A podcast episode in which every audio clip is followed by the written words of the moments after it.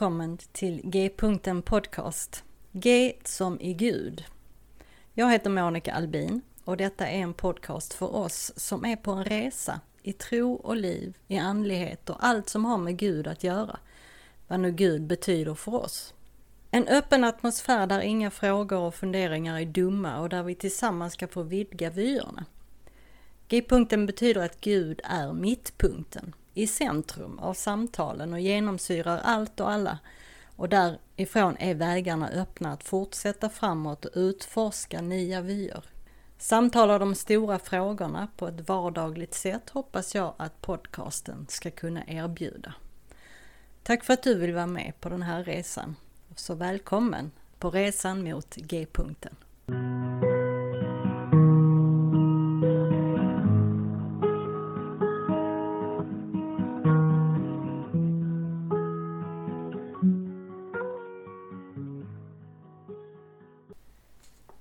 Och välkommen tillbaka till G-punkten Podcast. Idag är det palmsöndag och den här söndagen och nästa söndag så blir avsnitten bara med mig.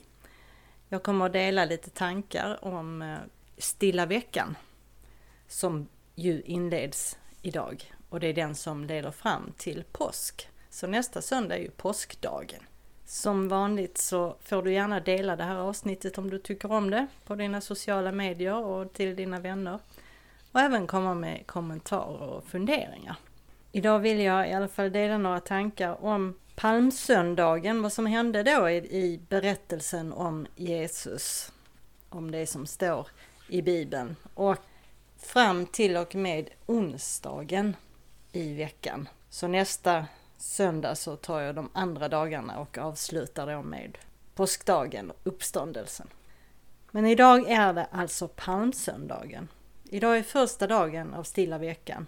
Resan från palmsöndag till fastans slut. Mer än någon annan av årets veckor så är det här en tid för djupare reflektion över Jesu liv och budskap.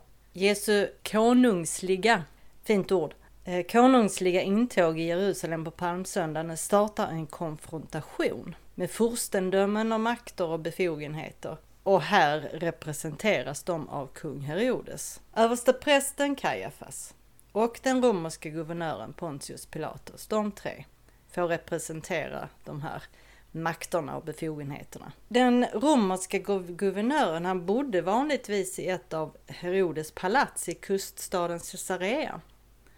Men under den judiska påsken som firade judarnas befrielse och uttåget ur Egypten så behövde guvernören vara i Jerusalem för att eh, trycka ner alla eventuella uppror som kunde uppkomma under denna instabila tid som det ju var. Och när han kom från Caesarea, Pilatus alltså, så kom han in i staden från väster. Och han kom ridande på en krigshäst i täten av det kejserliga kavalleriet. Hans intåg i Jerusalem var i grunden en militär parad. Den tog plats för att visa kraft och makt och skrämma bort alla eventuella revolutionärer. Och militärparader är sättet ju på vilket stormakter demonstrerar att de regerar över världen med sin överlägsna förmåga att föra krig. Men när Jesus anlände till Olivberget öster om Jerusalem så levde han medvetet ut den 500 år gamla profetian från Sakarja som vi kan läsa om då i Gamla Testamentet i Sakarja. Där det står ropa ut din glädje dotter Sion, jubla dotter Jerusalem. Se din konung kommer till dig, rättfärdig är hans seger är honom given. I ringhet kommer han, ridande på en åsna, på en ung åsnehingst. Jag ska förinta alla stridsvagnar i Efraim, alla hästar i Jerusalem. Krigets vapen ska förintas. Han ska förkunna fred för folken och hans välde ska nå från hav till hav, från floden till världens ände. För när Jesus kom från Olivberget så anlände han till Jerusalem, inte bara från motsatt håll från Pilatus, utan också på helt motsatt sätt. Istället för att rida på en krigshäst, som Pilatus gjorde och alla andra krigsryttare har gjort genom historien, så rider Jesus på en åsna. Och inte ens en fullvuxen åsna utan ett åsneföl. Så Jesus segerrika intåg var en antimilitär parad. Den var, den var ett hån mot Roms militärmakts skrämselpropaganda. Den visar också Jerusalem den starka kontrasten mellan krigets väg och fredens väg. Och ni vet att varenda stad man kommer in i, i Europa i alla fall, så finns där en, en snubbe till häst, en staty av någon krigsherre till häst. Men här i början av stilla veckan så är Pontius Pilatus och Jesus från Nasaret i täten av två helt olika parader. Så frågan till oss är vilken parad vi marscherar i. Pilatus militärparad, som fortfarande tror att världen formas av krig, eller Jesu fredsparad, som förstår att i och med att Kristus kom så har krigen avskaffats. Även om man inte kan tro det.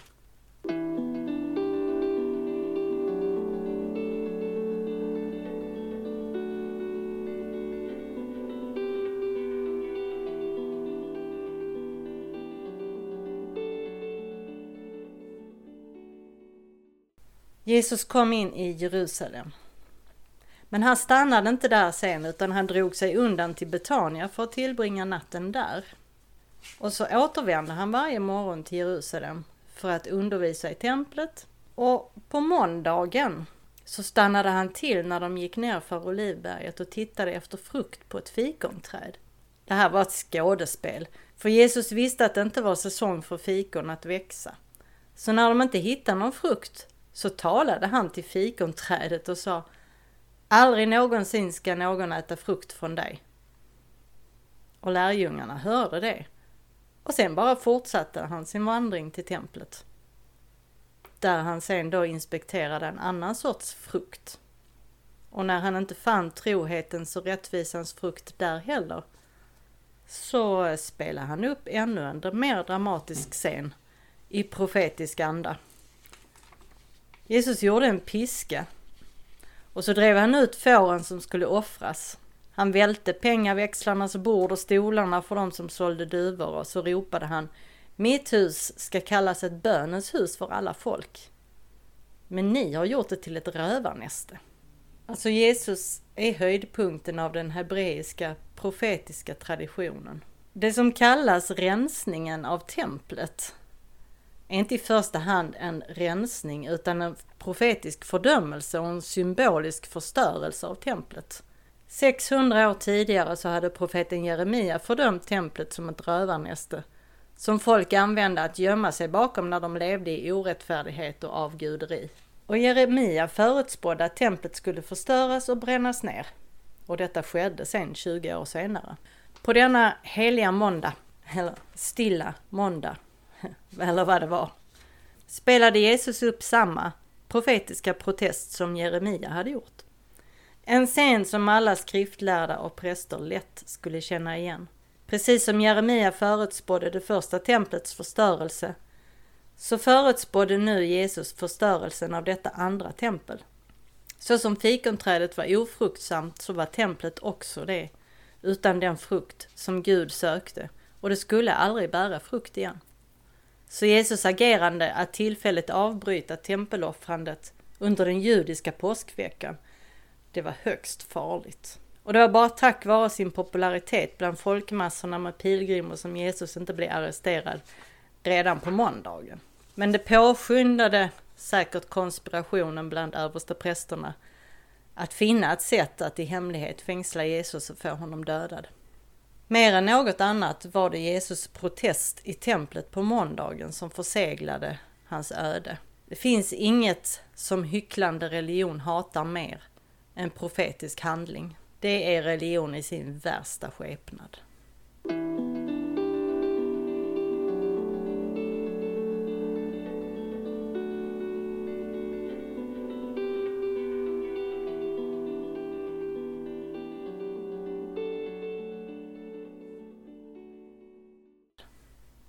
På tisdagen håller Jesus sitt tal om templets förestående fall.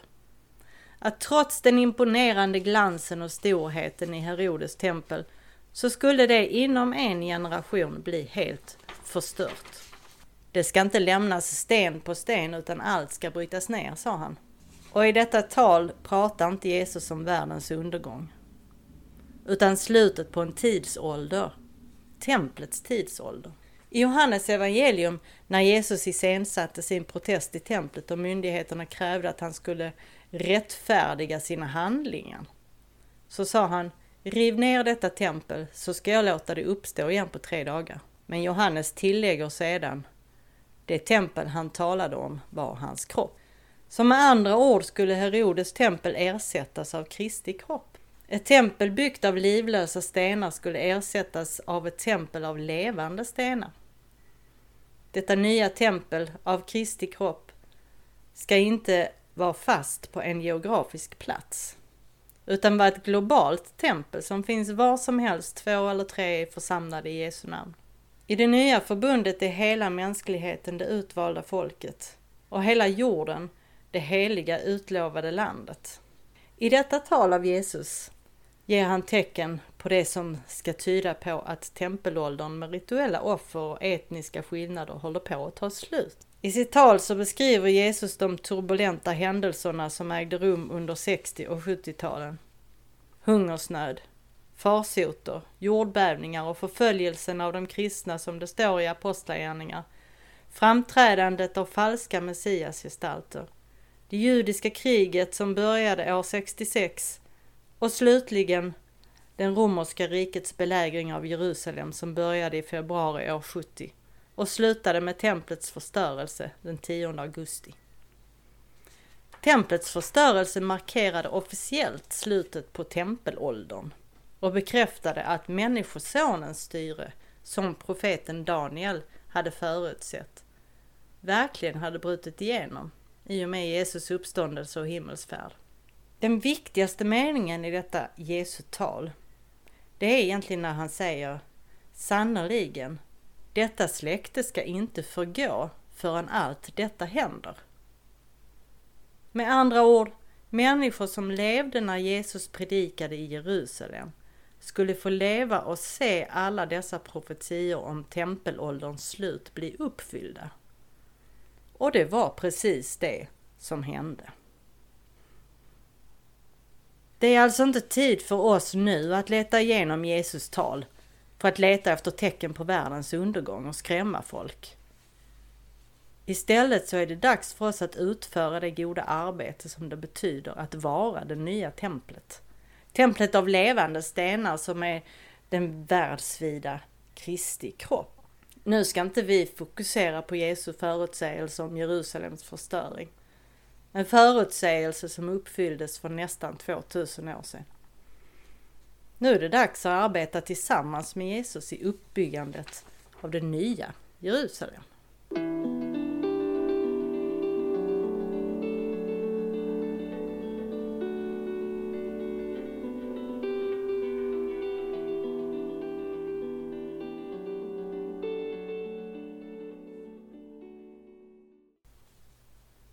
Onsdagskvällen i heliga stilla veckan så var Jesus åter i Betania, hemma hos Lazarus, Marta och Maria. Och en middag hölls till hans ära. Och då tar Maria en alabasterkruka fylld med sällsynt olja, balsam av ren nardus. Den var värd minst en årslön och så smörjer hon Jesus huvud med hela innehållet. Det här är Marias omåttliga erkännande att Jesus är Messias, Israels smorde kung. Maria verkar säga att det är dags för Jesus att bli officiellt erkänd som Messias. En tilldragelse som skulle lansera revolutionen av Guds rike. Men några av lärjungarna blev arga och grälade på Maria för hennes slöseri och sa men vilket slöseri med balsam. För den oljan hade man ju kunnat få mer än 300 denarer att ge åt de fattiga. Och ärligt talat, om vi inte redan kände den här berättelsen, om vi inte redan hade hört den så skulle vi väntat oss att Jesus borde hålla med lärjungarna i deras tillrättavisning av Maria. Vi skulle vänta oss att Jesus skulle säga att balsamen var värd hundratusentals kronor och det skulle kunna användas bättre till att ge mat och kläder åt de fattiga än att slösa det i en enda handling av tillbedjan. Vi skulle nog vara benägna att hålla med om att denna sorts tillbedjan var felriktad. Men vi skulle nog ha fel. För Jesus han försvarar Maria genom att kalla hennes handling för någonting vackert. Och det lämnar ju såklart oss med mycket att undra över. Är det inte så att det är högsta prioriteten vi har att arbeta för godhet och rättvisa? Men var försiktig. Djävulen står vid vägkanten av olika goda intentioner. Jesus lär oss verkligen att ha vård om de fattiga. Det är ju det andra budet. Älska din nästa som dig själv. Men det första budet är att älska Gud med hela sitt hjärta. Och jag tror inte att vi på lång sikt kan uppfylla det andra budet att älska vår nästa som oss själva om vi inte först formas av det första budet, att älska Gud med hela vårt hjärta.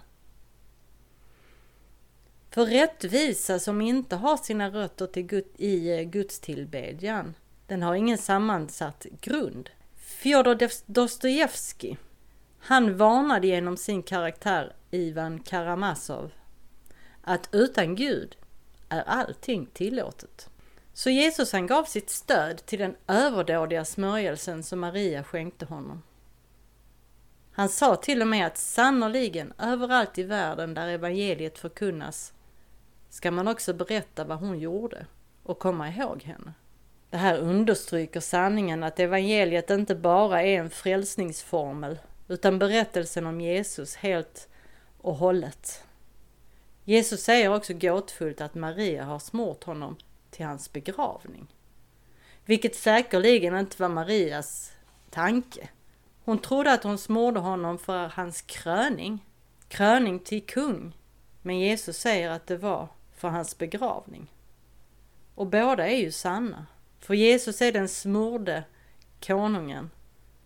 Och hans kröning startade verkligen Guds rikes revolution. Men den innehöll också Jesus begravning.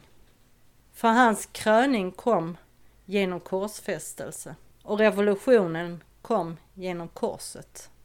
Och det är evangeliet som ska förkunnas över hela världen. Nästa söndag är jag tillbaka och pratar om vad som hände sen.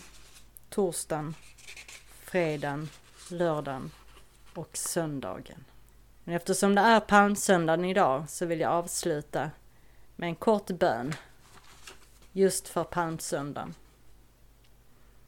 Herre Jesus, på palmsöndagen må våra Hosianna-rop hylla anländandet av fredens konung och må vi för alltid marschera i fredens parad. Amen.